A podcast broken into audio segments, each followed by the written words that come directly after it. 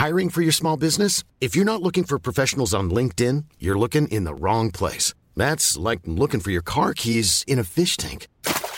LinkedIn helps you hire professionals you can't find anywhere else, even those who aren't actively searching for a new job but might be open to the perfect role. In a given month, over 70% of LinkedIn users don't even visit other leading job sites. So start looking in the right place. With LinkedIn, you can hire professionals like a professional. Post your free job on linkedin.com slash people today. There's never been a faster or easier way to start your weight loss journey than with PlushCare. PlushCare accepts most insurance plans and gives you online access to board-certified physicians who can prescribe FDA-approved weight loss medications like Wigovi and Zepbound for those who qualify. Take charge of your health and speak with a board-certified physician about a weight loss plan that's right for you. Get started today at plushcare.com slash weight loss. That's plushcare.com slash weight loss. plushcare.com slash weight loss.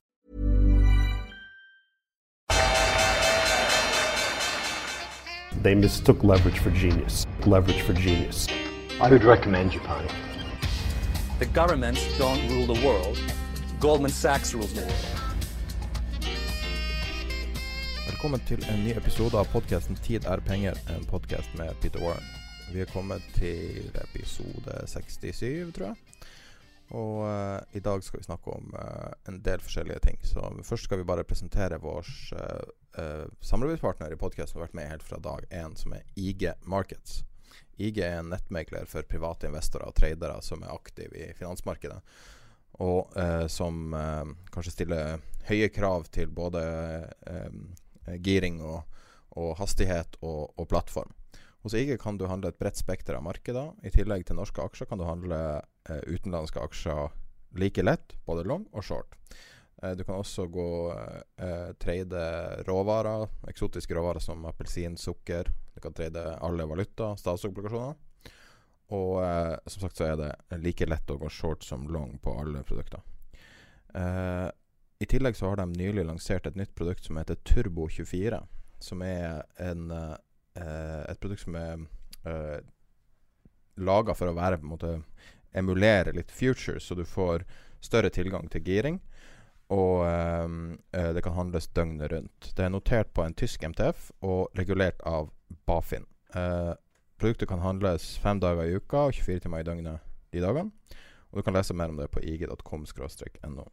Uh, I slutten av sendinga så har vi um, uh, en uh, samtale vi hadde med Erik Hansen tidligere i år. Og jeg skal spille et bitte lite utdrag av den samtalen. CFDs. Och uh, en CFD trackar underliggande terminsmarknad, underliggande futuresmarknad. Eh, och eh, ja, handlar till exempel oljan eh, så fungerar ungefär som en future. Det handlar med ett marginkrav vilket innebär att du går in med en liten del av den underliggende exponeringen. Vi har drygt 40 olika råvaror, allt från eh, guld, eh, olja, de mest populära. Vi har även råvaror som majs, socker. Da er vi i gang med episoden i dag, og uh, rett før vi starta, så fant du ut at du hadde lyst til å snakke litt om markedet. Jeg ville da påpeke at uh, aksjemarkedet er grønt som uh, et juletre. Men du var mer interessert i makroforhold, kanskje? Nei, altså jeg tenkte jo bare å se litt på Altså Hvis vi ser en oppsummering av de jeg håper å si de elleve første månedene De elleve månedene ja, hittil i år. Og da er det jo interessant å Hvis vi ser på, hvis vi ser på aksjemarkedet, da, altså bare se, så, så, så er jo Nasdaq leder med, med over 30% oppgang. Og så har du SMP eh, 500 som er opp 28% og, så, og, og hvis du ser nedover listen, altså Kina som er da dømt nord og ned pga. handelskrigen, er opp 29% så er det ikke noe dårlig det heller.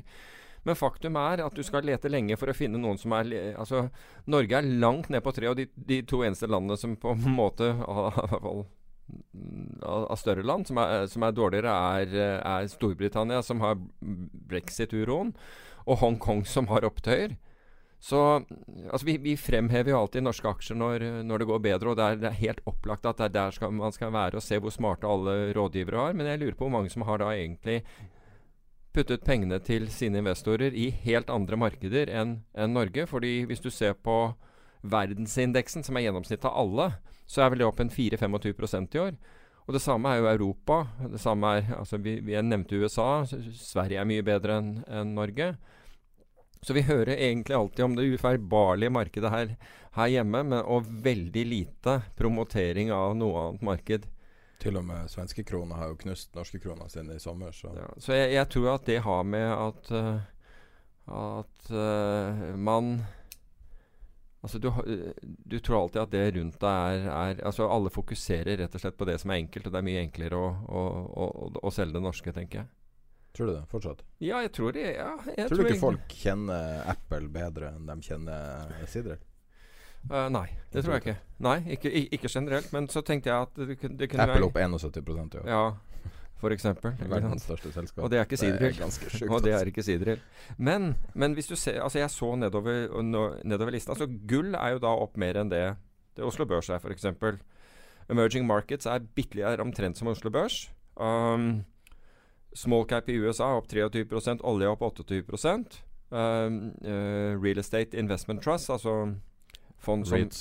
Ja. Ja, ikke sant? Fond som har um, eiendomsfond? Eiendomsfond, helt riktig. I USA opp, opp 28 Og så har du øverst på listen, og som da omtrent ikke nevnes noe mer Bitcoin opp 96% Det er det. Men altså, det har folk sagt Å nei, Bitcoin er herregud. opp. 96 Wow. Slår til og med palladium. Ja, ikke sant? Og olje. Olje Ja. knall. Altså, Ja, ja. Amerikansk lettolje et godt år. Ja. Så, så du kan si at alle eh, Men det som, Og det var jo dømt nord og ned eh, pga. at det så svakt ut i, i fjor. Altså korrigerte den, den eh, oppgangen det hadde frem til januar i, i fjor. Og dømt nord, nord og ned opp 96 i år. Så den tipper jeg de aller aller fleste har gått glipp av. Men hvis man snakker med, med yngre mennesker, eh, norske, så er veldig mange av dem som har nytt godt av den, den oppgangen. Mastercard er opp 53 Jeg Ja, vet det- ikke om det er positivt. Og City, City har altså et knallår. Ja, de, ja, men Mastercard hadde nok vært opp mer hadde jeg hadde. men jeg, jeg har ikke det. Du har American Express, har du ikke det? Det er opp Jo. for bare 26. Ja.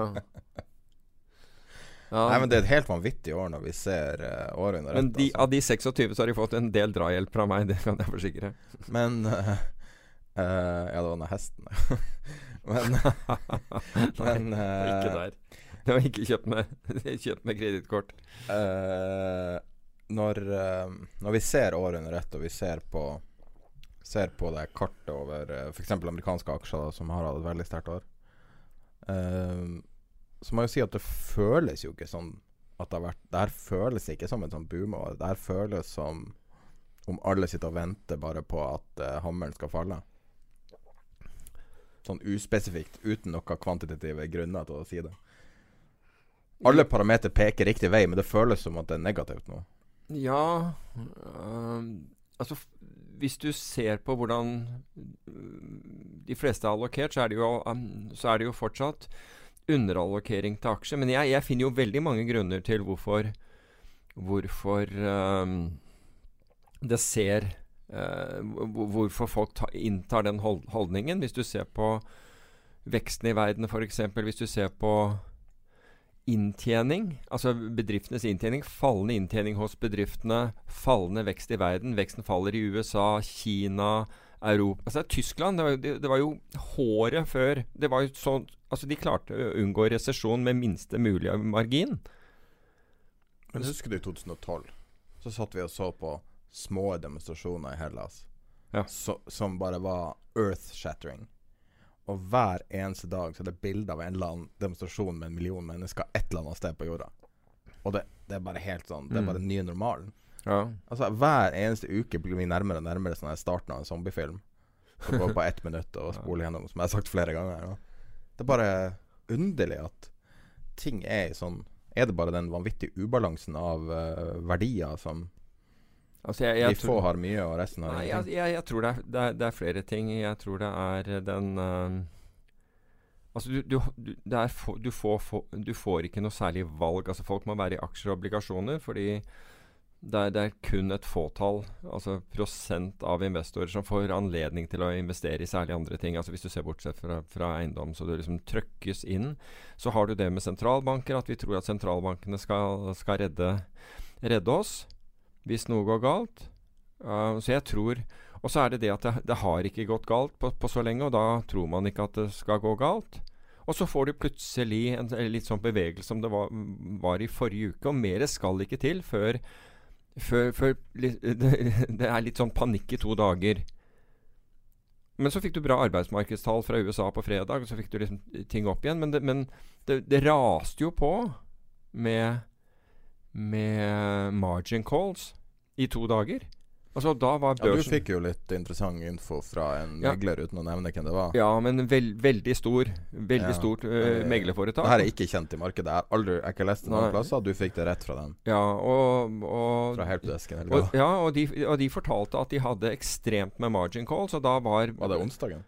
Tirsdag eller noe? Um, det var ikke onsdag, så det var enten mandag eller Jeg tror det lurer på om det var mandag og tirsdag. Mandag, ja. mandag, tirsdag. Fordi ja, Det var vel mandag og tirsdag i, i, i siste uke hvor USA falt da 1 mm. begge dagene. Altså øh, først 1% ned på, på, på, mandag, og så var det vi 1% så vi gappet vi ned på tirsdag. altså Da åpnet markedet vesentlig lavere og, og falt ytterligere 1 før det, det begynte å recover. Men Det som er interessant her, er Tenk deg at du er journalist i Wall Street Journal, og så ser man to dager med 1% fall. Du vil ikke heve et øyenbryn engang. Du vil ikke reagere, du, du, ser ikke hva som skjer. Og så sitter du og ser på det, og du ser alle de tingene under overflata. Du ser på 1% fall. Ja. Så har du en av de større meglerhusene som sender ut bøttevis med margin calls. Ja.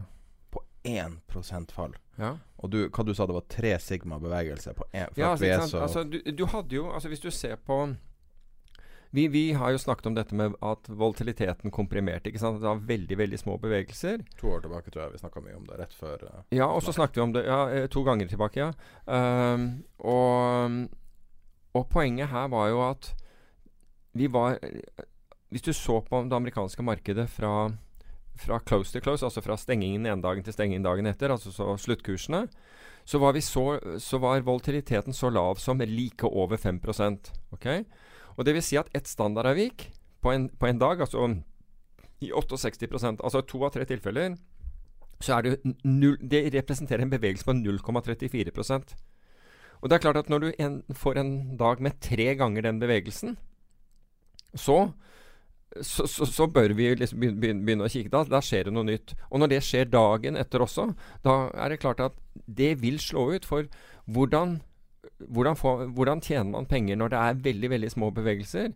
Jo, vi har den fordi når det er, Vi snakket om dette med, med risk eh, med, med eh, riskmodellering. ikke sant? Altså disse risikomodellene som forteller hvor mye, hvor mye risiko du kan ta. Jo, de har da de har disse dataene inne som sier at ok, i to av tre tilfeller så beveger seg 0,3% så hvordan skal vi tjene penger? Jo, vi må belåne våre posisjoner.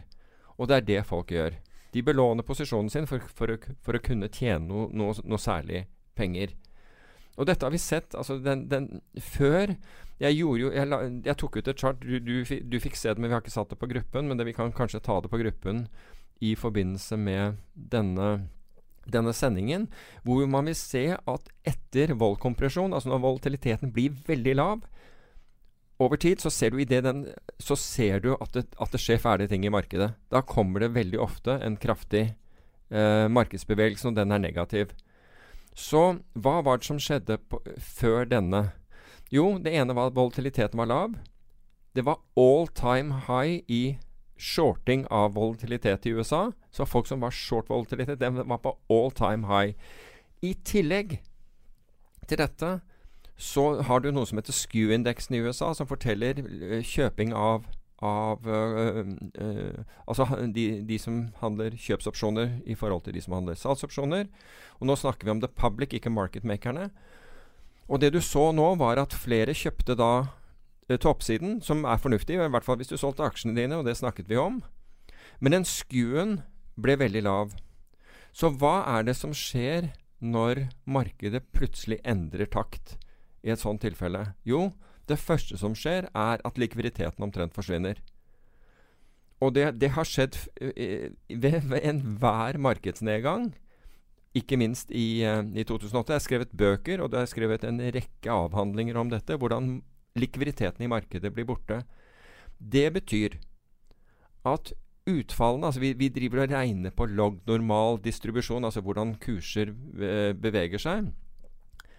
Det som skjer under, under, slike forhold, er at venstre hale, altså sannsynligheten din for større bevegelser til nedsiden, plutselig blir voldsomt mye større. Og hvis du tar det med i betraktning, så, så vil, i, en, en modell, så vil du da vil modellen plutselig gå fra ja, bare ta risiko til kom deg ut, reduser posisjoner. Rett og slett fordi Og det ser vi jo. Altså, når, når opplevde vi to dager etter hverandre med 1 på oppsiden? Kan ikke huske det engang. Men hvis du ser på SMP 500, jeg så, så på den vi, Du måtte over to måneder tilbake for å se en, en dag med en slik bevegelse. Samme Vixen. Vi, vi, snakket om Vixen på 12% at dette var billig. Den gikk til 17 på det verste mm. i den perioden. Og det representerer en vesentlig større, altså større bevegelse. Og den historiske volatiliteten, som måles ja, f.eks. over 21 dager, den, den, går da opp fra 5,4% til 7% Så plutselig får du vesentlig større bevegelser. Vixen, som da er opsjonene, priset inn opsjoner som, som kunne bevege seg 0,75 Altså at markedet beveget seg 0,75% Plutselig så beveger den seg over 1% om dagen. Og det er forskjellen. Så den, den, når den går til 17, så er det litt over 1 be bevegelse per dag. Og når den var på 12, så representerer den 0,75% bevegelse per dag. Og disse tingene slår ut når, når samtidig uh, bevegelsen, altså denne distribusjonen, endrer seg. Altså du får det Nasim Taleh bevisstgjorde for svært mange fete haler. Altså større sannsynlighet for store bevegelser, og, og da til ned, nedsiden så skjer det ting. Men hva er sannsynligheten for at to Uh, to-tre standardavik-dager på rad. Ja, den er veldig liten. Den er ekstremt liten. ikke sant? Så du får plutselig en, en voldsom sånn men, men, men, så vil, ja, også, men så vil man argumentere at siden du har fått inn Så, så den er ikke det, er ikke det, er ikke så enkelt å regne, fordi du, du må da du må se hvor mange dager du måler over. Og det riktige Og en som en matematiker vil da si ja, men du må jo ta med den første, den første dagen med stor bevegelse må nå inn i dataene. Slik at Men, men poenget her er at vi snakker om 1% bevegelse. Ja, vi snakker om Ja, ja og i dette tilfellet to. Bevegelse. Før i tiden vil vi Altså, det var daglige bevegelser på det. Det var helt vanlig med daglige bevegelser. Nei, men altså, Et normalt marked er jo 1 ja. det, er jo, det er jo ikke verdt ei overskrift. Nei, det er liksom, ikke verdt noe som helst. Det er ikke verdt noe som helst. Så når man da snakker om liksom, ikke astronomisk, men en veldig, veldig lite sannsynlig event, at to 1 %-dager kom på rad, så sier det litt om at uh, den kompresjonen er helt voldsom nå.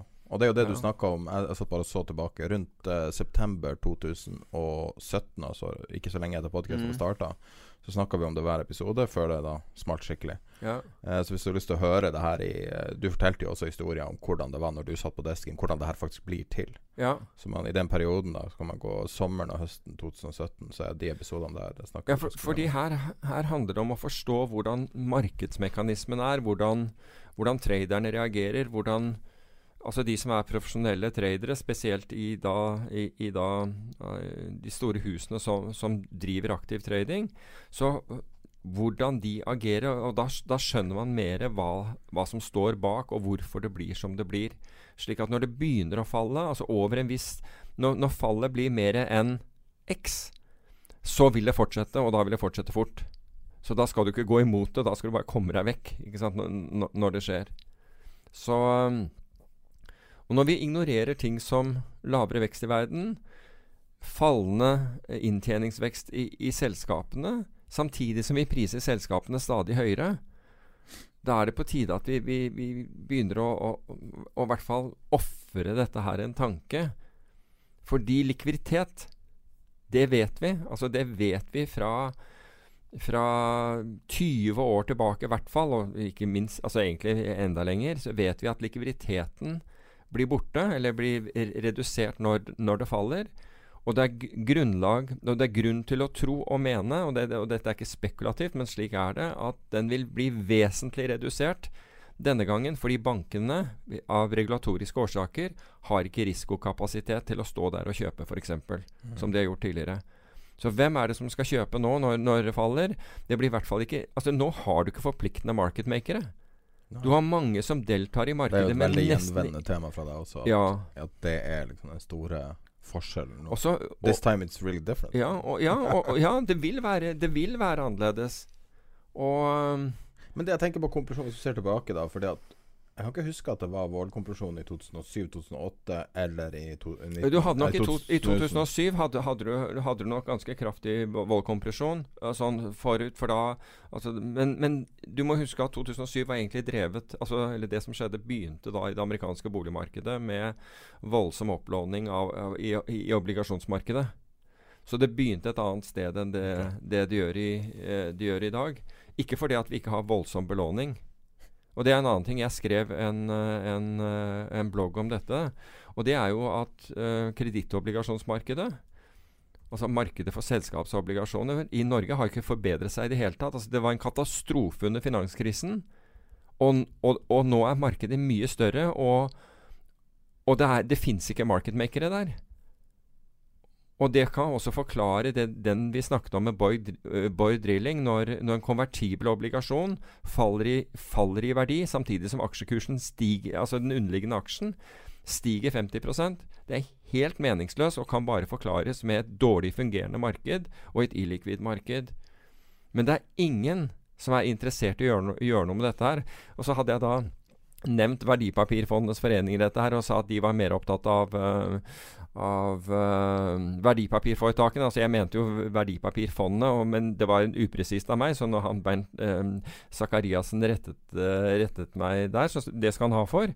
Men samtidig, hva har du gjort med det? Har, altså, det er det du er opptatt av, hvor, hvorvidt du du representerer verdipapirforetakene eller verdipapirfondene. Saken er at du har ikke gjort noe med dette. Du har ikke gjort en dritt med, med, med problemet. Så kanskje du skulle konsentrere deg om det, men jeg tar, jeg tar den kritikken.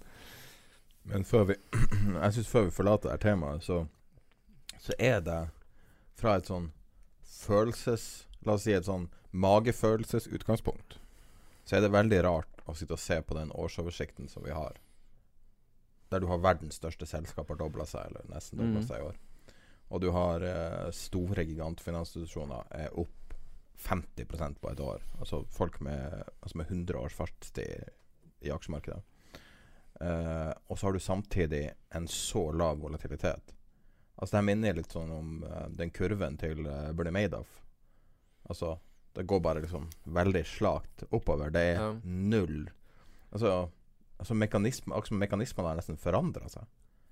Ja, og, og derfor så tror vi jo hele tiden at this time is different. Dette, dette går helt, helt greit. Og alle er- tenker jo at enhver nedgang i et marked, det er, det er en kjøpsanledning. Helt inntil det ikke er noe mer. Men det, hø- du hører ikke så mye BTFD lenger. Men det er kanskje ikke det er fordi at det ikke faller. Ja, det kan være. Men det var nok, det var nok altså Markedet kom seg fort opp igjen fra, fra disse, disse to prosentene det, det falt. Men jeg tenker at Men det er jo fortsatt bare 2 altså. Ja. Det er jo helt absurd små tall. Ja, det, det absurd, men, men det er ikke absurd uh, små tall hvis du har 20 ganger belåning eller et eller annet sånt. Ja, jeg, ja, nei, det er vel Men altså, det er jo stort sett normalt forbundet med kortsiktige tradere. Men jeg mistenker at uh, At det er mye langsiktig som er gira på den måten også. Ja, jeg tror at uh, det er en del langsiktig som er, uh, som er giret, og bedriftene er, er, er ekstremt kraftig giret også. Mm. Du må huske på det at eh, altså corporate belåning er, er ekstrem. Ja, Softbank, som vi vet, altså, som Mm. vi har diskutert masse, det, det er jo noen som hadde ekstremt mye cash, og gira det opp til, til månen. Sånn at en prosentbevegelse kan jo være enorm for dem. Ja. Goldman fremla altså hadde jo en rapport og hvor de eh, Det er interessant, fordi eh, Goldman har jo en sånn, et eksempel på kognitiv dissonans. De, altså De putter ut alle disse tradene, altså anbefalingene sine, som alt går på egentlig at verden fortsetter å være positiv. Men samtidig sender de ut til, til, til kunder rapporter som, som viser at her skal du jaggu være forsiktig. Vi diskuterte jo det her tidligere i dag. Euforiindeksen deres er på all time high. Når vi snakker om disse tingene, så er det ikke for å være negativ, det er for å se etter andre muligheter. Altså hvordan kan du da Altså Poenget ditt må jo være at du ønsker en god avkastning på kapitalen din. Det må jo være det du driver med. Altså Hvis du er i aksjemarkedet fordi du syns det er morsomt med Yara og DNB og sånt nå, så er du der litt grann på Ja, det er fint. Kongsberg Våpen, whatever det er. Helt fint. Men det, det, det handler en del om underholdning underholdningsverdi. Må du gjerne gjøre, så lenge du skjønner at det er underholdning. Men hvis du er der for å billigere med et Netflix-abonnement. da Ja, eksempel. Du kan eh, det, eller eh, Eller uh, gå på Spille poker for én dollar handa, det er også Ja, billigere. ja, det er mange ting du kan gjøre relativt til det, men det er, det er interessant å se. Og vi snakket om at opsjoner var billig. På de, altså Apropos det. Det var en som hadde kjøpt 16 000 kontrakter i SMP 500 put-opsjoner, altså salgsopsjoner på, på SMP. Det var 29,80 strike. Det var ca. 7% ned. Ok? Marsforfall. Og det snakka vi om sist, ja. Ja, fordi vi, vi snakket om at det var, var billig. På, på de to dagene med fall så realiserte vedkommende halvparten av den posisjonen. Og har nå gratis Og det, altså, det doblet seg i verdi. På to dager så doblet de opsjonene seg i verdi. Hvor mange kontrakter sa du? 16 000. Så han har 8000 kontrakter? Ja, nå har han 8000 igjen, men nå, de, nå, er de gratis. Så nå har han gratis fordi han har tatt Han tok gevinst på halvparten. Da fikk han tilbake hele premiebeløpet han hadde. Altså for en nedtur på 20 hva er verdien? Også? Ja, Det kan du bare tenke deg. Altså For det første så har han da null Altså Hva skal du regne verdien på? Han har null i kost. Og en strike som er 7 under, ikke sant? Så da Du, du vil få da du, altså Det er en astronomisk eh, eh, effekt av det. Men nå kan han ikke tape på den, fordi han har tatt gevinst på halvparten av posisjonen, og det var nok til å, til å betale for den hele. Så nå sitter han da ut mars med, med, med et gulv i markedet og dundrer under. Så altså på to dager doblet det der seg i verdi. På 2% Tok bare to dager. De to prosentene der, de er ja, så, så, Og altså. det forteller oss Vi satt jo og fulgte åpninga i lag ja. eh, på telefonen. Og det som var så interessant, var å se på, på Jeg følte du gikk litt i din gamle sånn marketmaking-spor. Mm. Eh, det var noe, et mønster jeg aldri ville ha respondert på. Men det var veldig interessant å, å reagere på din interesse, ja. hvis du skjønner. Ja. Uh, og, og det, ga veldig, det ga jo massevis av muligheter i, i markedet for, hvis du var kortsiktig, men du måtte jo være ekstremt dis disiplinert for å uh, for å, å, plukke dem. men da skjermtrada du, ikke sant? Ja, ja. I stedet for ja. kjøre noe ja, algoritmer eller sånn. Ingen vits. Men, jeg, men, du kan si at man oppdaterer et analyseverk hver eneste dag, og, og, og det tar i betraktning alle bevegelser og, og sku i markedet og den type ting. Hvor mye kan du tjene på en sånn dag? Som, som, det, er, det, er, jo bare altså, hvor, hvor, hvor, gæren du vil være, det. Du kan uh, Ikke sant? Altså, det er bare hvor mye du vil Nei, satse på. Du, altså ja, det, du personlig kan nei, tjene? Det, det, kan du godt. Du kan, og det, kan du tape også. Ikke sant? Du kan tape det. Du kan både tjene og tape det. Poenget er at, uh, er at det kommer an på hvor mye du Altså hvilken, hvilken belåning du har på posisjonen. Fordi hvis du trader futures, så, så putter du opp bare en margin ikke sant, i forhold til hvor mye du, du handler for. Så det er egentlig bare hvor mye du, du gjør. Men jeg vet, jeg vet, ikke om CME faktisk økte Altså i dette tilfellet amerikanske clearinghuset, om de økte marginen den dagen. Det husker jeg ikke de dagene. Det kan godt hende at de gjorde det. Um, og du har jo så du må jo ha nok til å, uh, til å, å håndtere posisjonene dine. I, i 2000 og, og, Unnskyld, i 1987, altså under krakket der, da, da, gikk jo marginen så kraftig opp at, uh, at, uh, at mange måtte stenge posisjonene sine selv om de, de, tjente penger, så måtte de stenge posisjonene sine. Helt forferdelig. Men det er nesten et luksusproblem i forhold til de som må stenge dem pga. tap. Hvis du, vi snakket om å kjøpe forsikring da det var billig. altså Man kan gjøre sånne ting som å altså Når kommer det en bevegelse, så kan du f.eks. da ta av noe av posisjonen og da ha enten en nullkost beskyttelse deretter, eller, eh, eller få, få, kosten din vesentlig redusert. Du nevnte så vidt at uh, Goldman har uh, selvmotsigende uh, mm. uh, Men jeg vil jo si at det er dødspositivt. Du lar kundene ta valgene. Du, ja. du er ikke stålbull i, ja, ja. i et usikkert marked, for det er jo veldig Men det er også veldig greit for deg å si etterpå, altså uansett hvordan det gikk, at ja ja, men vi hadde jo ja, det er jo det gamle meglertrikset. Ja, å sende ut uh, uh, 50 kjøpsanbefalinger og 50% salgsanbefalinger. og ringe dem som du sendte riktig til. Nettopp. Men uh, det er vel du mister vel konsesjonen av å drive det. men, men Goldman har jo, har jo, masse forskjellige divisjoner, da. Og jeg har aldri egentlig hørt om at de drev noe særlig involvert i private equity, men det overrasker jo ingenting, da. og de sendte ut en undersøkelse nylig til private equity-kundene. Og og der uh, spørsmålet hvor mange som uh, forbereder seg på en resesjon. Og da svarte jeg 100% ja, jeg gjør det. ja. uh, og det jeg lurer på da, er om det blir litt sånn tail wagging the dog nå. Fordi at folk er så klar for en nedtur.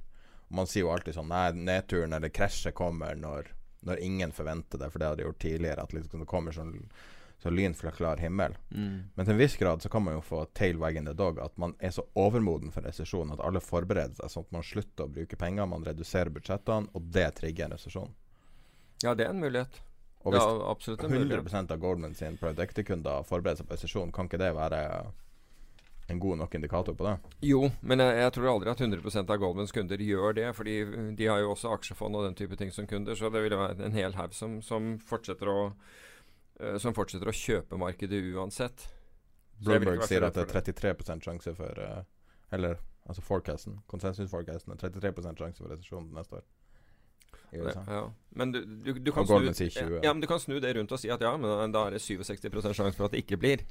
Mm. Ikke sant? Tross alt. Så, så det er ikke Jeg vil ikke si at 33 er, er nattsvart. Men, uh, men uh, Nei, det er jo ikke svart. Vi, jo, vi har jo hatt en, uh, Men- men bare se hva- value generation. Men hva, hva har skjedd i det siste? Jo, jo ikke sant? Altså, amerikanerne reverserte da og, og begynte da å, med kvantitative lettelser igjen. De har, de har pumpa 420 milliarder dollar inn i markedet i det siste. Ja, gjennom det kort, Ja, nettopp. ikke sant? 60 milliarder dollar måneden. Og nå fikk hedgefond delvis skylden for at, at dette, dette behovet. Men hedgefond gjør akkurat det som banker gjorde tidligere. Hvordan? Hva Jo, er altså- hedgefondet fått skylda for? Jo, fordi, jo øh, for dette, dette likviditetsbehovet. Ja. Um, Hedgefond. Men det er jo så bitte liten del av markedet. Ja, men, er, men du har en, en del store. Men i hvert fall, altså det som har vært gjort, det er at du kjøper eh, Ta, ta amerikanske eh, statsobligasjoner. Da. Hvis- du sier at jeg husker, jeg, Nå har ikke jeg sett tiåringen eh, fordi jeg var i utlandet i forrige uke. Men, eh, men eh, bare gi meg siste renten på den. 1,80. Ok. eh, 1,8. 1,80. Ok, så, så basically det du gjør, det er at du tar eh, du, eh, du kjøper statsobligasjoner, og så låner du de statsobligasjonene, altså du putter de som sikkerhet hos sentralbanken, og så får du låne penger på det. Ok? Da Overnight, er det men. Hva sier du? Er det det overnight-lånet? Ja, ikke sant? Det er det du gjør. Du, du, du stiller da eh, statsobligasjoner som sikkerhet. Det behøver ikke å være, det hø behøver ikke å være tiårsstatsobligasjon. Du kan stille toårs og hva det måtte være. Så, låner du, så får du da lånt tilsvarende. Så går du i future-markedet og plasserer disse. Og der trenger du jo ikke å stille ikke sant? Nå, nå, Du fikk lånt, du fikk lånt uh, hele greia, men i, i, altså, la oss si at du kjøpte for 10 millioner statsobligasjoner. Så låner du de 10 millioner dollarene uh, tilbake igjen, fordi du har nå uh, gitt dem sikkerhet. Men du kan kjøpe vesentlig flere future-kontrakter. Fordi der stiller du bare med en, med, med, med en, en sikkerhet. Og det kalles det carry trade. ikke sant? Altså Så kjøper du det, og så da får du en da får du, Så du kjøper kanskje øh, Du kjøper kanskje øh, future-kontrakter for ja, fire ganger det, da. Fem ganger det, eller noe sånt nå. Og da har du da plutselig ja, hvis, er, hvis vi bruker tiåringen, da har du 1,8 ganger, ganger 5. Altså da får du fem ganger renten, ikke sant? Som, som, som det du betaler til, eh, til, til sentralbanken. Så det er en carry trade, og det er det bankene har gjort i alle år. Men nå har hedgefond altså For nå er det blitt mer restriktivt for bankene. Sånn er det mer, så hevder i hvert fall det var Bloomberg som gjorde det, og Financial Times tok det opp i, i dag. At, uh, så nå skal de gi hedgefond skylden for, denne, eh, for dette. Og jeg tror ikke at hedgefond er skyld i dette. Så det er altså fordi at man Vi hadde jo snakk om uh, noe vi hadde tatt opp til forrige episode, og, og var reposkam. Ja. Det var skrevet om at uh, det var en eh, Repurchasing Ja. order, altså er, er repo. Nå husker jeg ikke hvem det var som hadde skrevet om det, jeg hadde glemt å lagre linken, men det var uh, på noe Wall Street Journal som sa at det var eh, Det var lite Altså det var folk på tross av at man hadde det her uh, eh, stimulering av repomarkedet, så ville ikke banker delta, for de ville ikke fremstå at de trengte likviditeten. Eh, og det kan jeg jo skjønne. Skjønner den mekanikken der.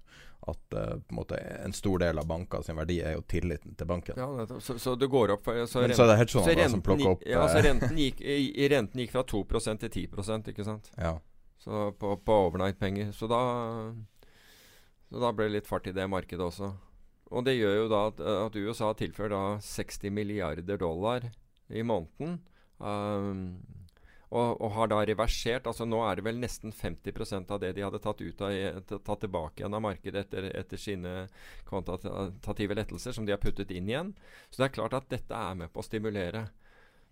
så du har, nå har du da sentralbankkjøp også fra USA, i tillegg til Kina, Europa, Storbritannia, Sveits, Sverige, Australia, Japan de, de, de, store landene som, som, som, driver med dette her Jeg vet ikke om Sverige er veldig stort, men de driver nå med det.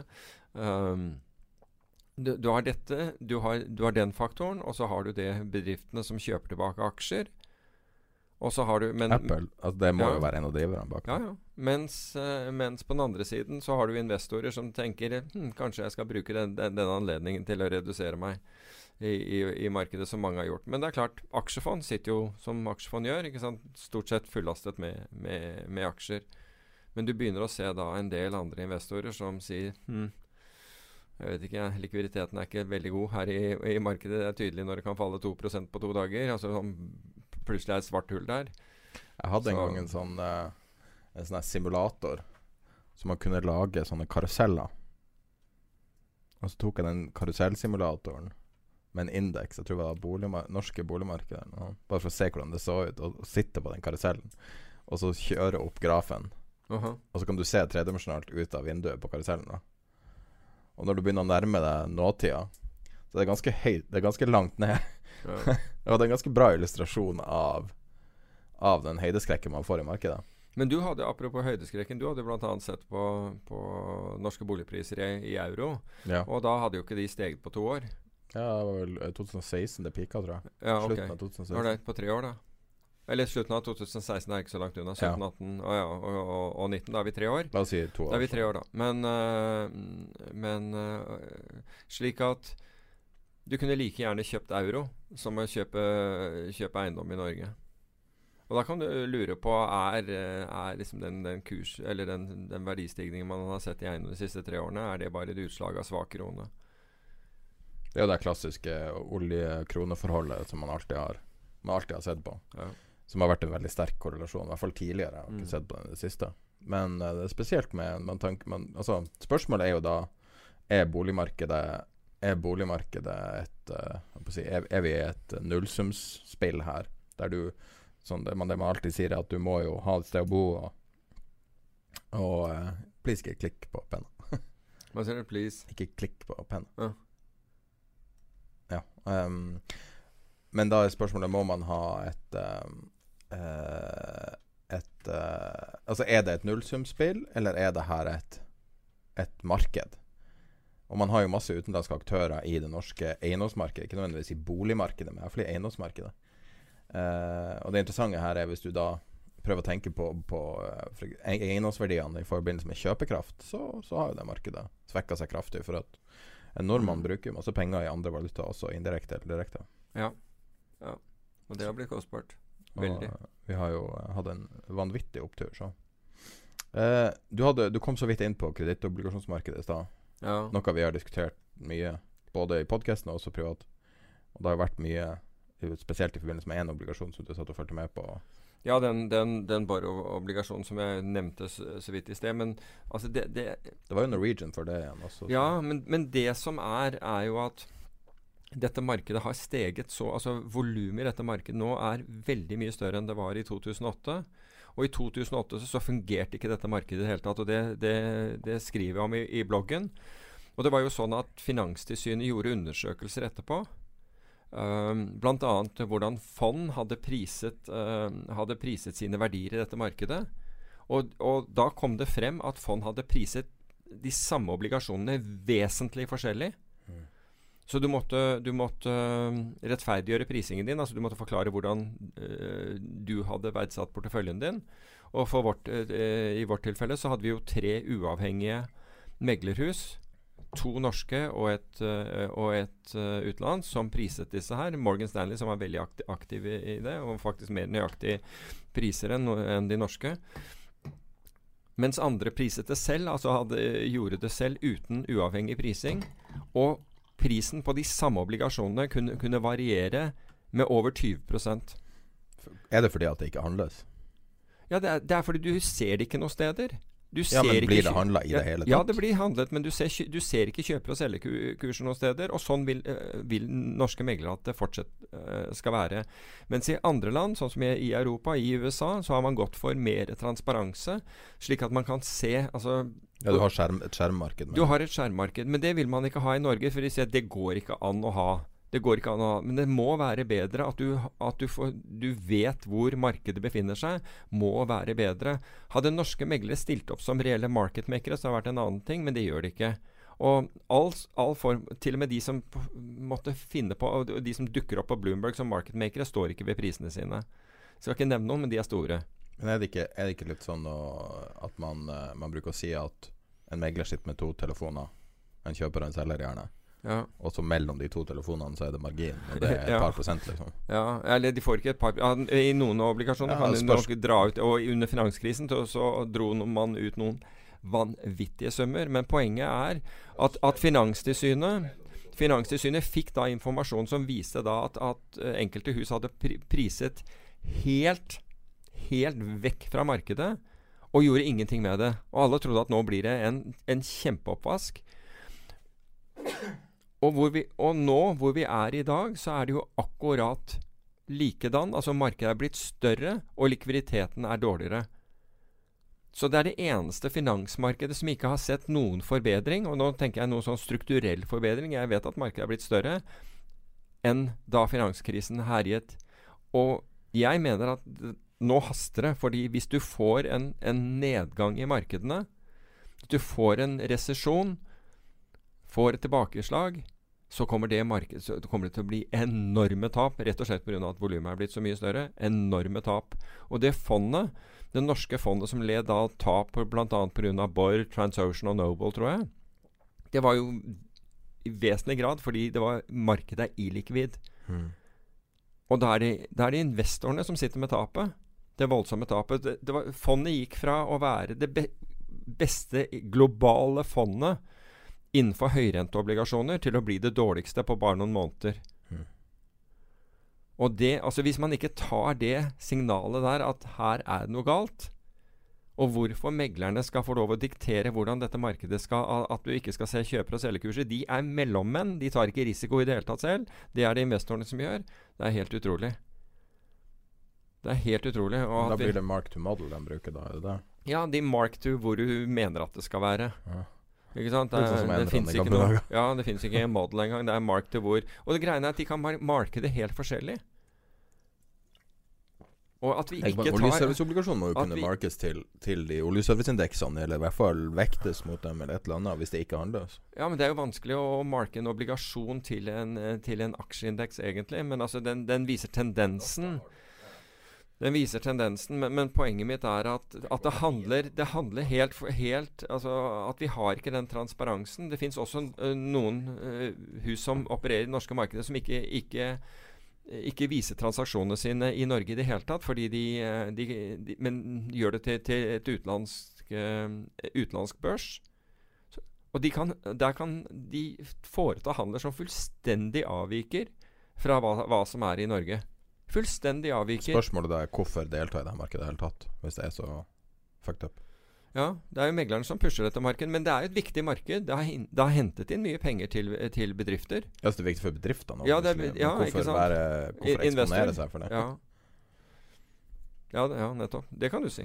Ja, det er i hvert fall en hidden risk der. Og jeg, jeg bare skulle ønske at det markedet var, var tilgjengelig, så, slik at alle hadde samme informasjon. Altså Hvis du er en stor investor i Norge i dag, altså de største fondene, så får de den informasjonen. For de har jo da De har jo alle meglerforbindelser, og, og de kan orientere seg raskt. Men mindre investorer de gidder kanskje ikke å gå gjennom den kjempepapirmøllen det, det, er å få Altså Hvis det var aksjer, så kan du altså Ta f.eks. hvis um, DNB har gjort en emisjon i et norsk, aksje, i en, i et norsk selskap, en aksjeemisjon, så vil hvem som helst, om du er Nordnett-kunde eller hvilken som helst kunde, så kan du, kan du handle den, for den er på skjerm.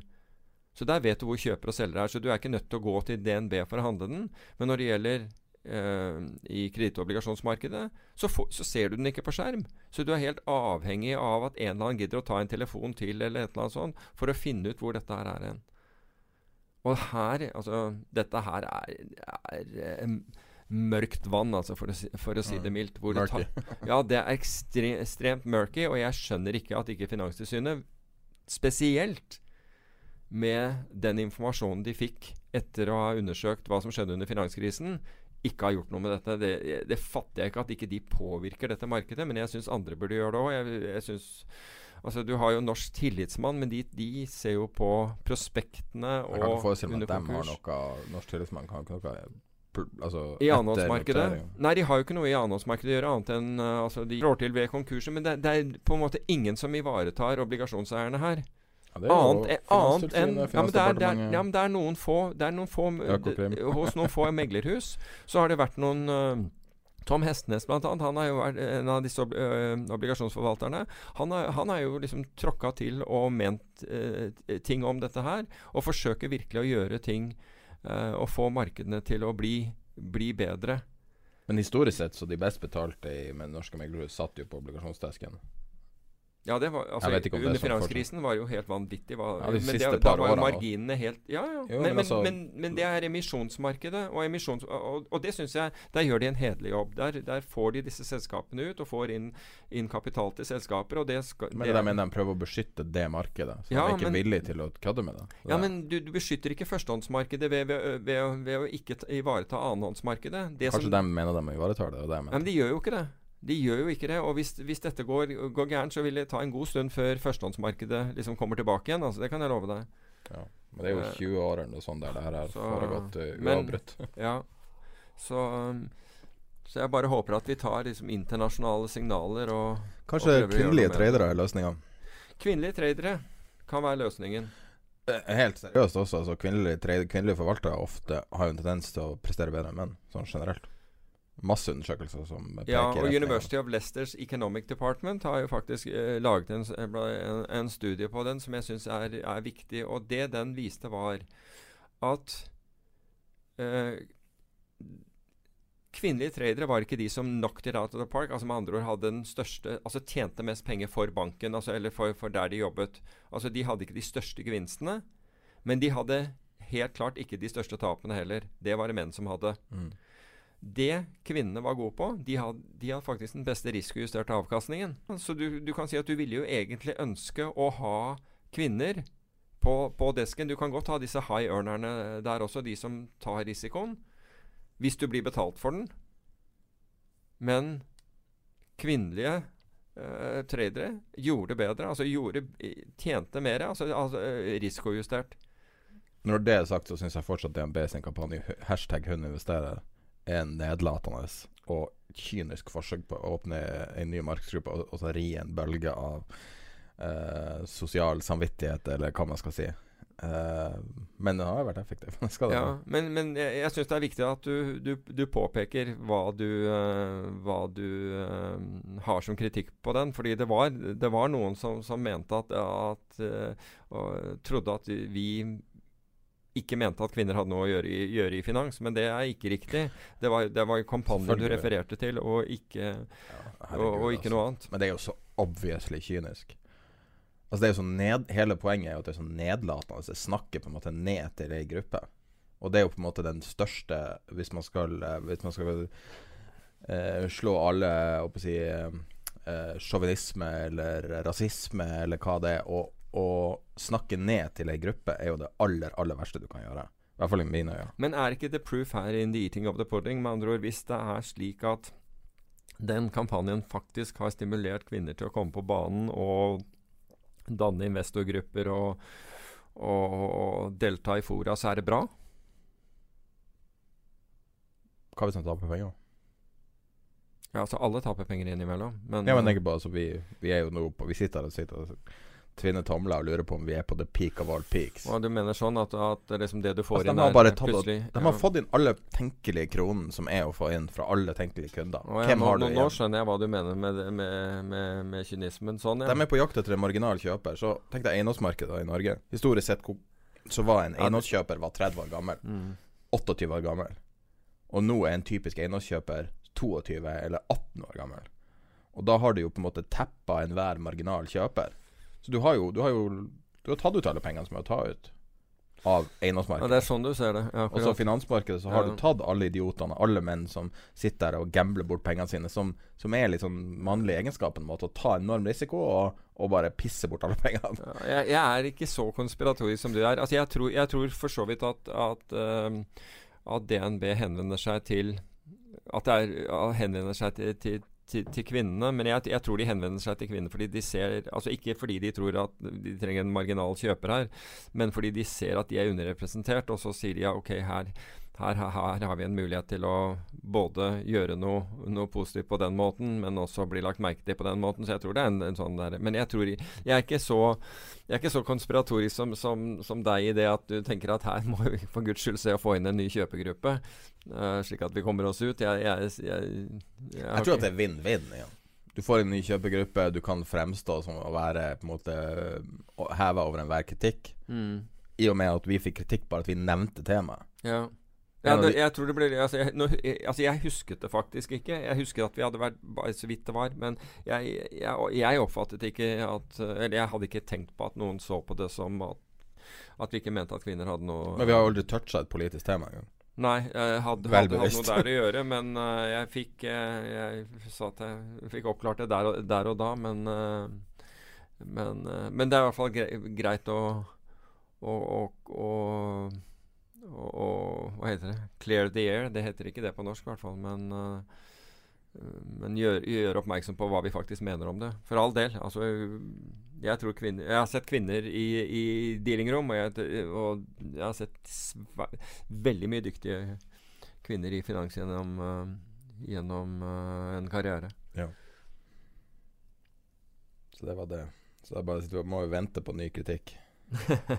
Nei, men jeg syns det er helt greit. Altså Kritikk betyr jo å Det er påpeke. Peter som snakker nordnorsk. Liksom. Ja, men jeg, jeg, jeg tenker jo at øhm, Kritikk betyr å påpeke, og jeg syns det er helt riktig. Altså Hvis, folk, hvis, hvis de, man mener at vi er øhm, øh, og, Sjåvinister. ja, whatever det er, så, så er vi, jo, vi, vi er åpne for det. Vi er klart åpne for det.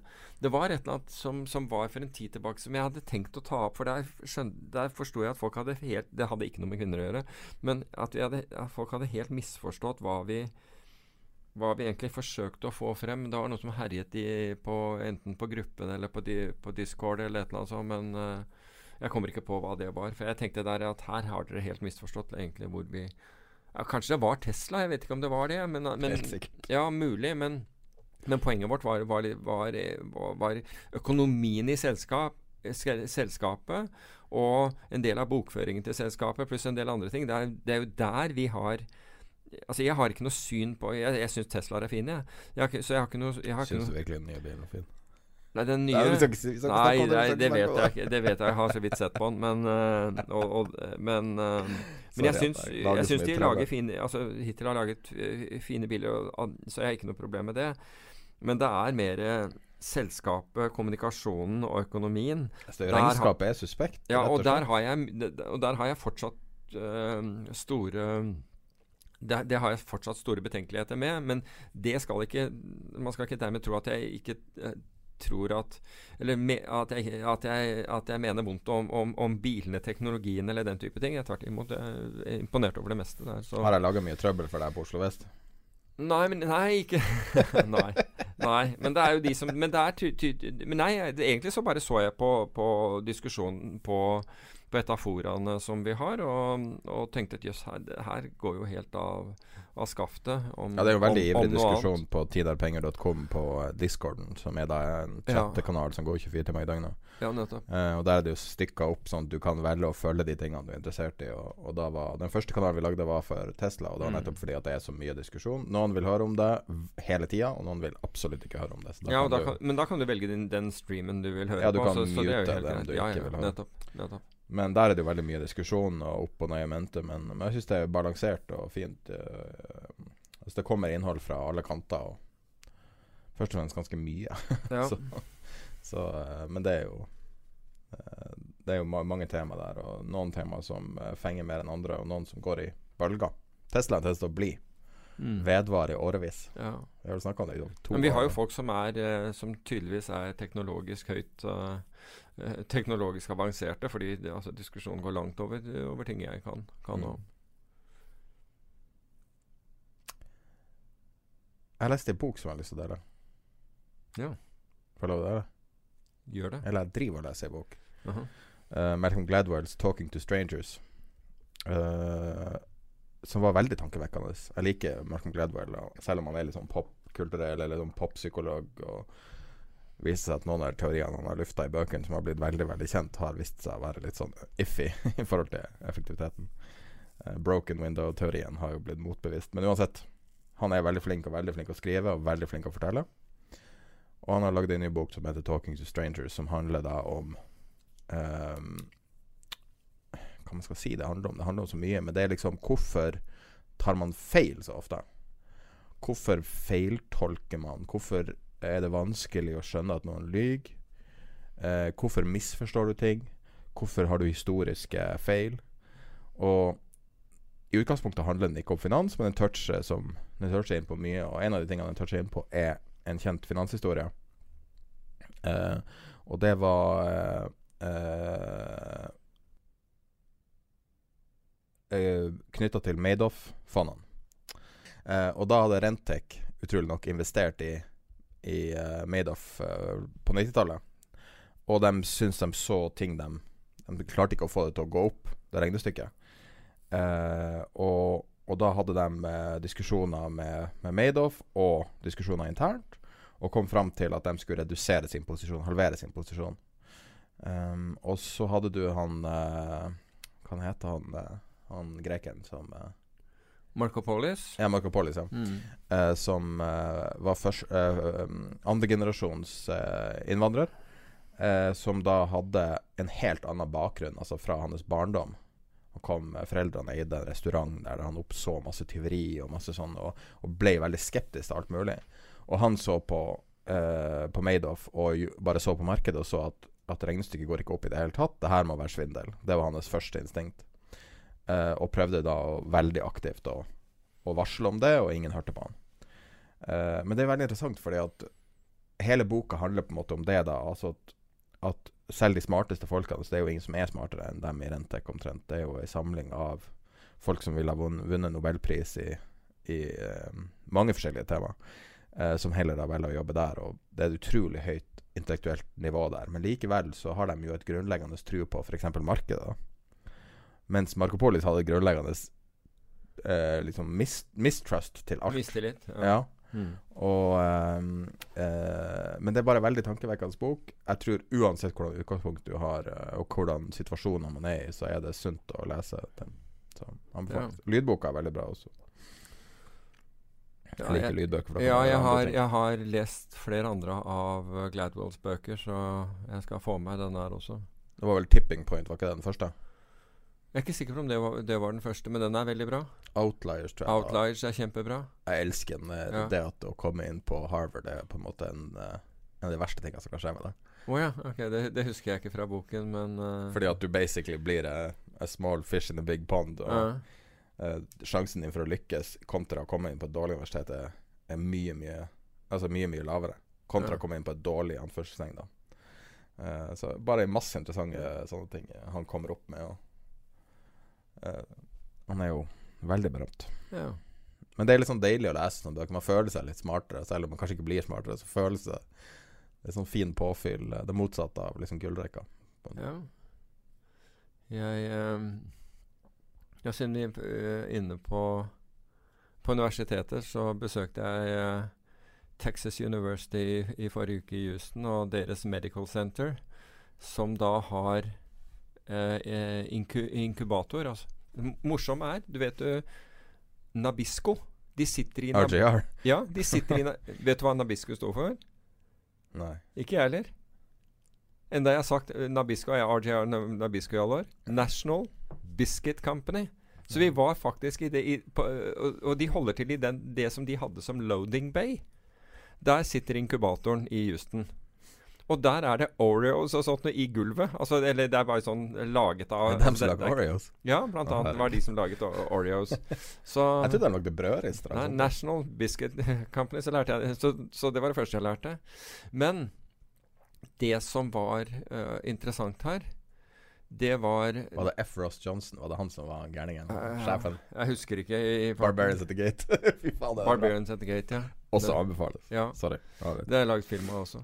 Men, eh, men det som var interessant, det var egentlig hvordan denne inkubatoren gjorde ting. Og, jeg, og alle disse tingene fant jeg ut var Kunne du um, Passportet, heter det? Nei, overføre til finans. Altså Finans kunne egentlig gjort akkurat det samme.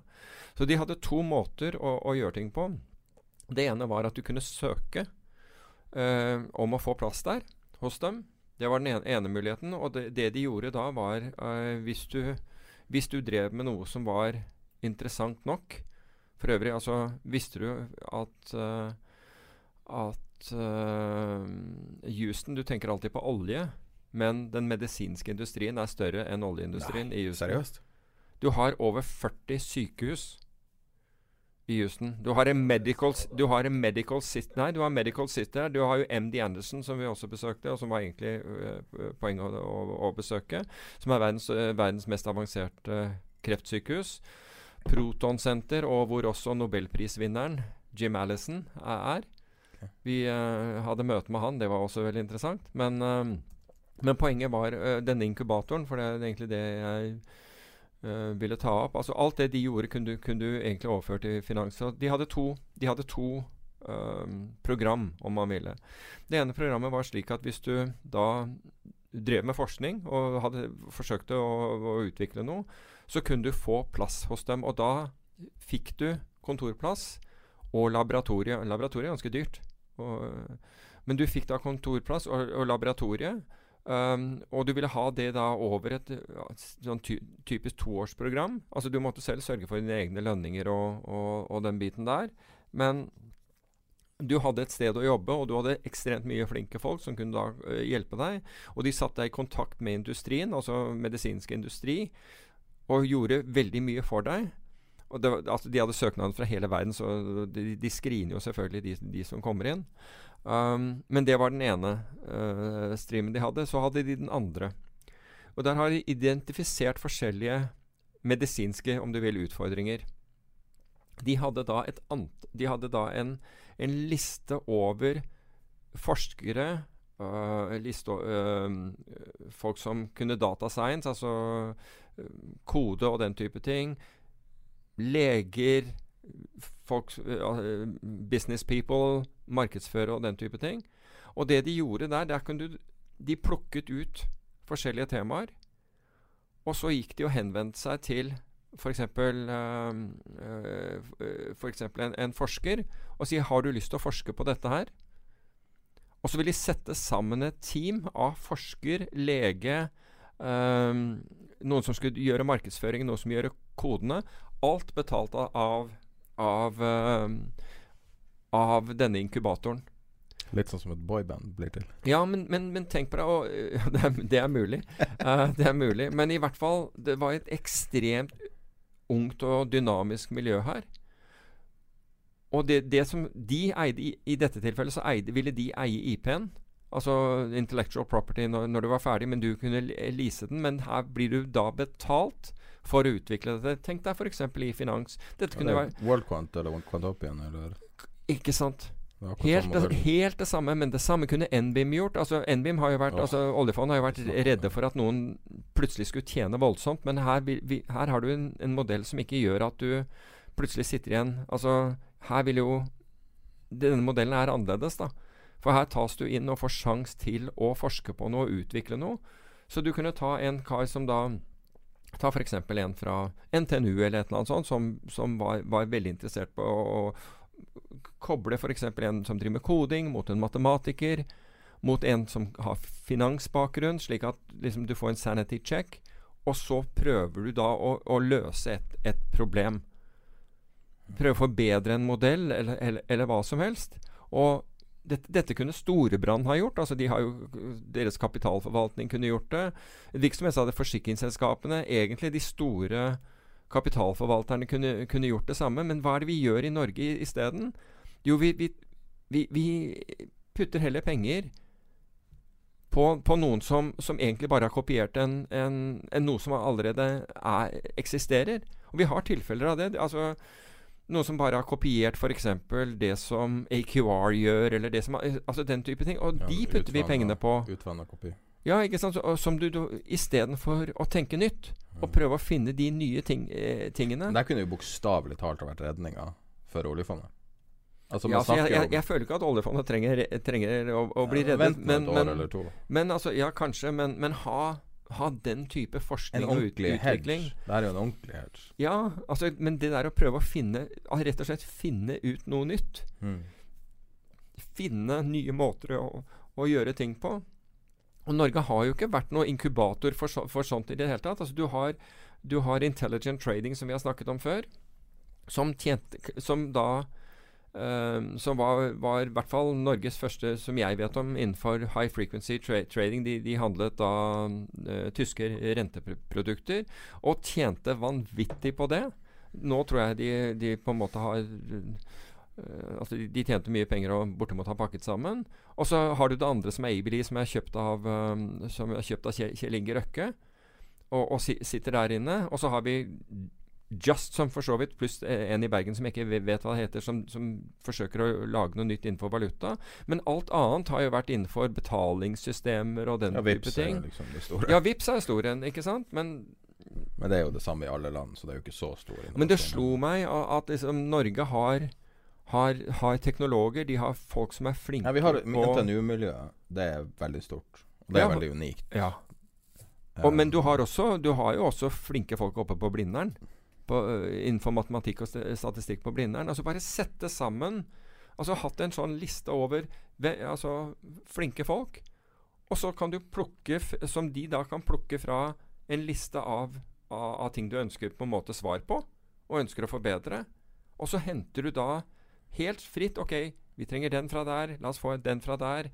Høre med de. Altså en Finansforskningsparken, liksom. Ja, nesten. Ja, faktisk. Gi de Bare Hva, du kan bli rik når du Gi er de, der også. ja, gi de lønn, gi de lønn slik at de kan gjøre dette her. Og så beholder du en IP, slik at du får også inntekter fra det. Men det er jo altså, det er en av de tingene som er Bankene kunne gjort Ja, dette. Quantopian, Bankene kunne gjort dette. Ja, Quantopien er, er, er, er Men der kan du jo bli rik også. Det er jo en, det er jo en del av faktoren. Og det ville jo aldri ha gått.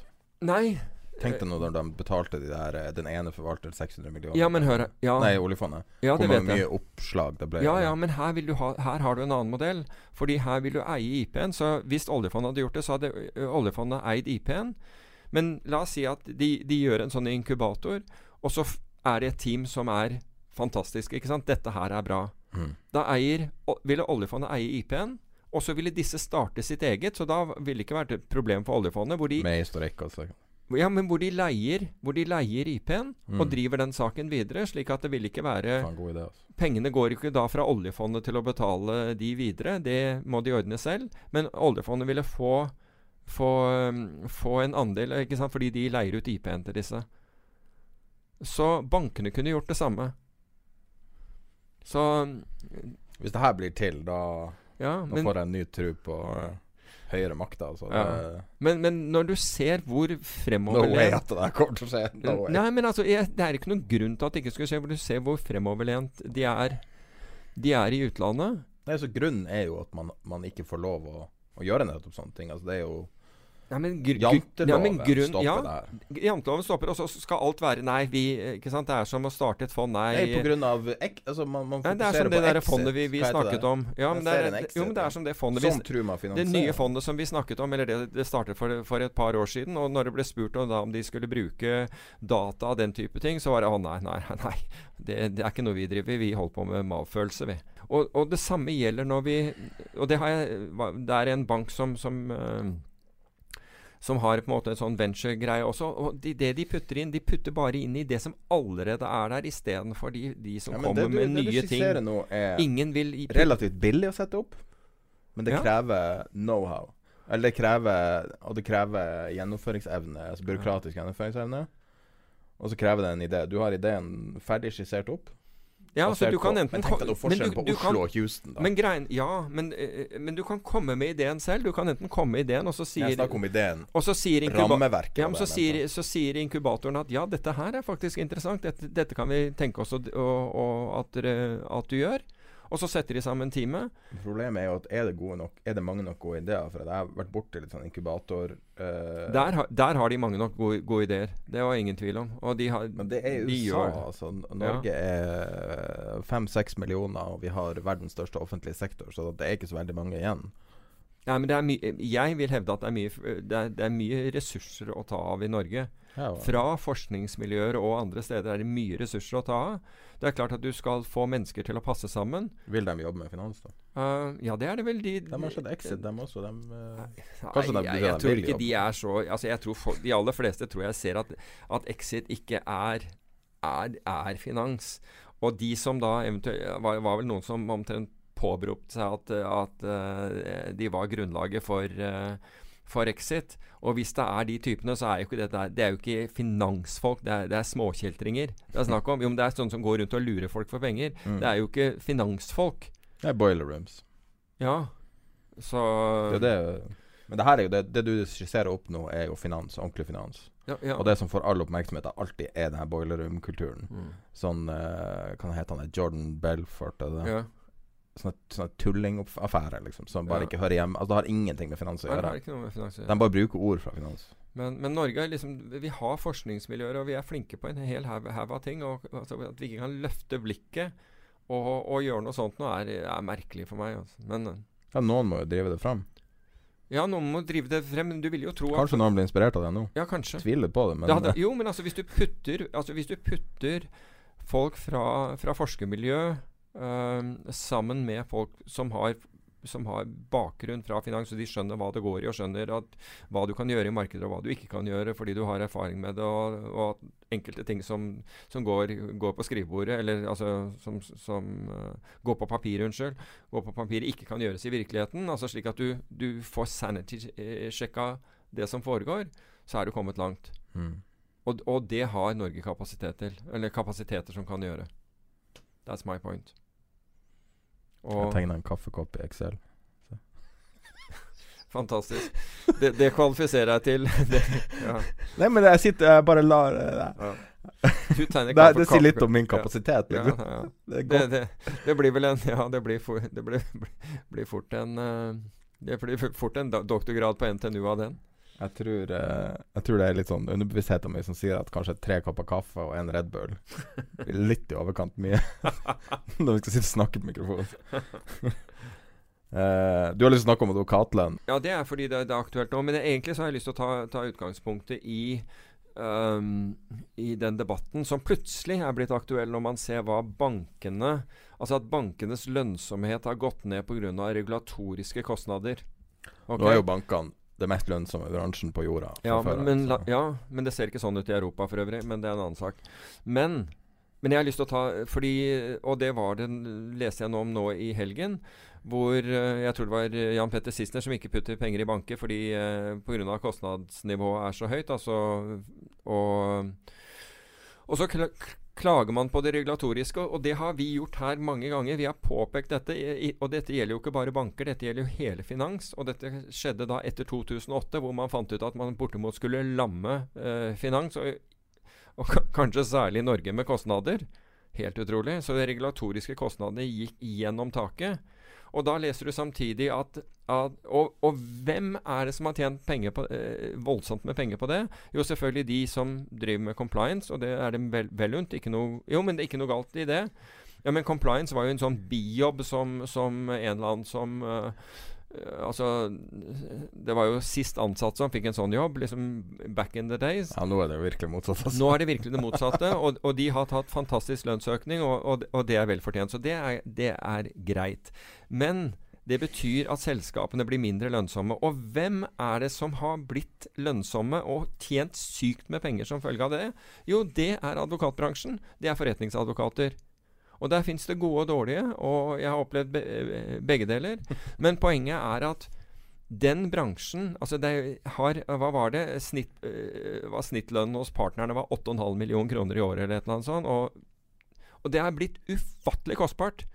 Jeg syns jo synd på de som, de som driver Altså de som driver innenfor strafferett, for de er jo liksom, der har det jo ikke skjedd veldig mye.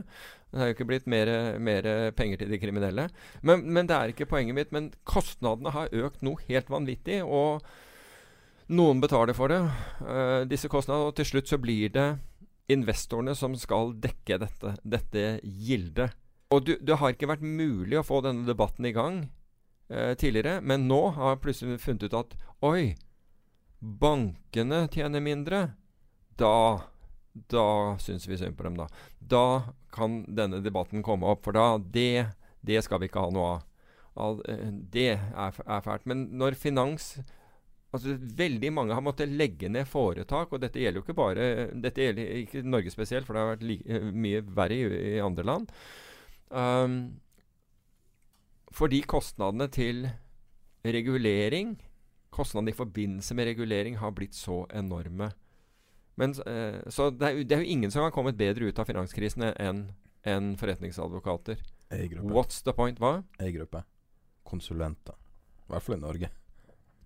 Ja, konsulenter, men nei, de har ikke kommet bedre ut av det enn for forretningsadvokater. Altså, det nekter jeg å tro. 50 Nei, det nekter jeg å tro. My, altså, prove me wrong, men uh, jeg mener at det er uh, forretningsadvokater. Og det, og, ikke sant?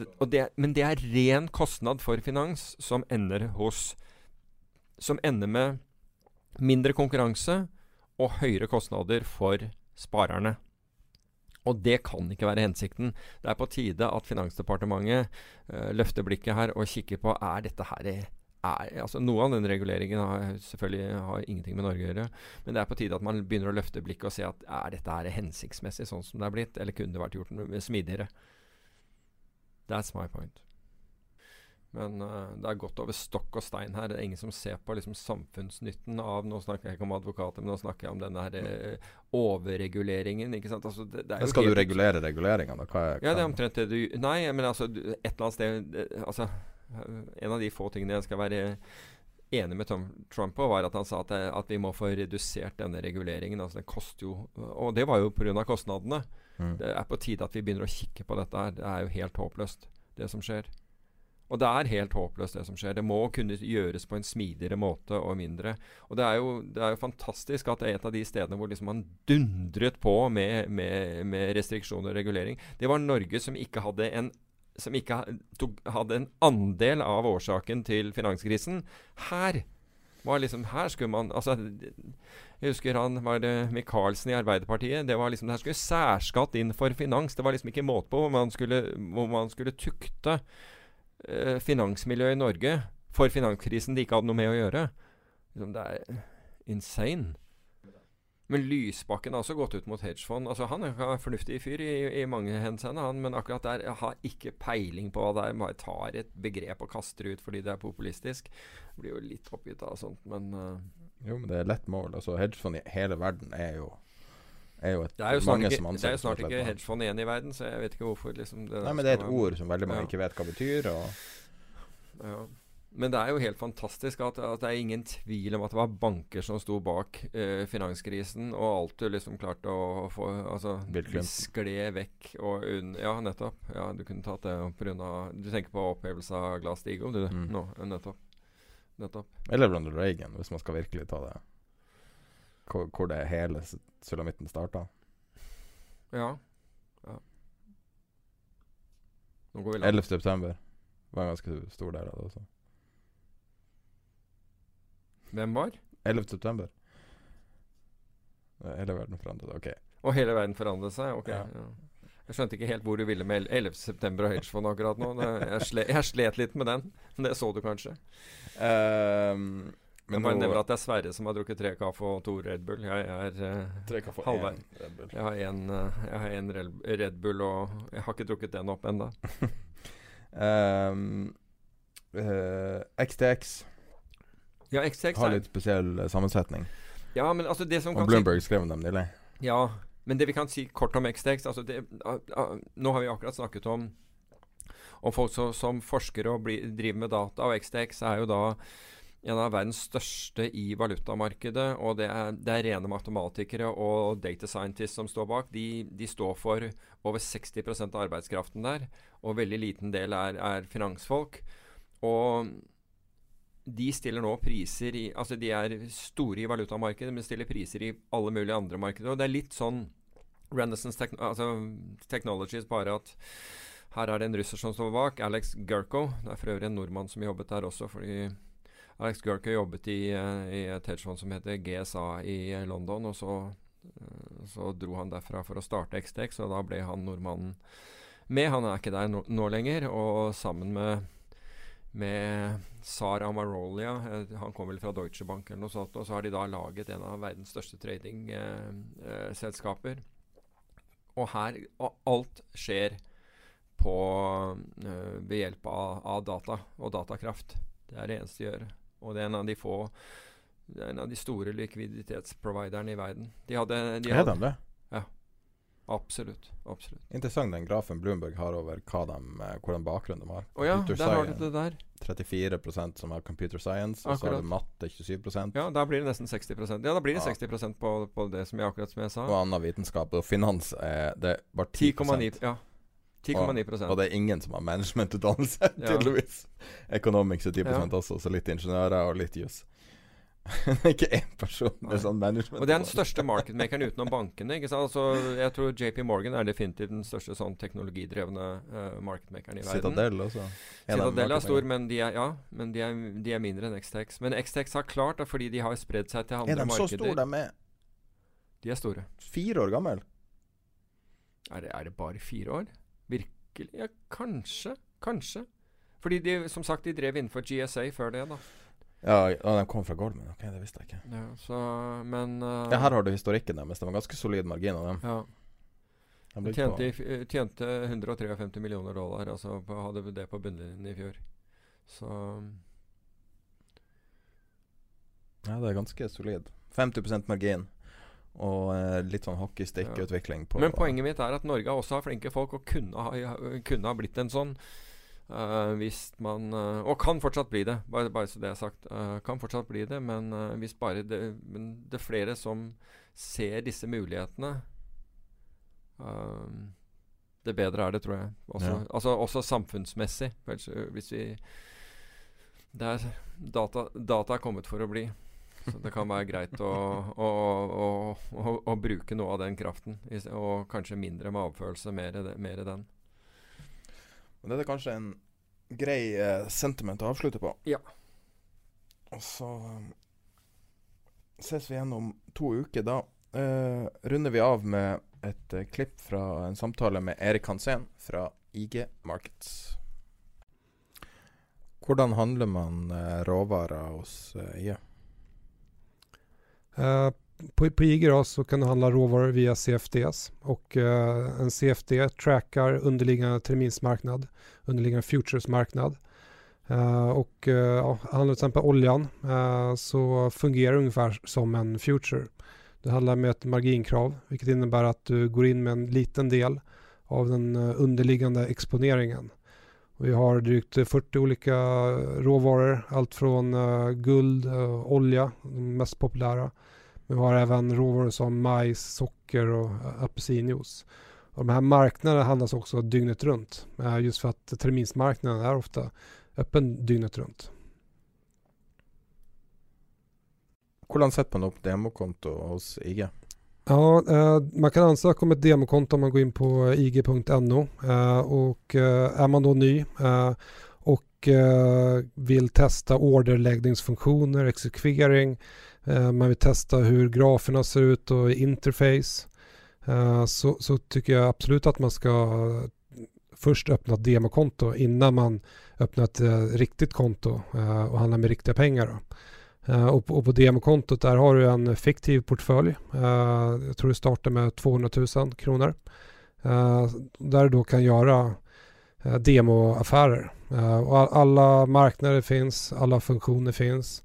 Uh, det är ett jättebra sätt att då lära sig orderläggningen till exempel.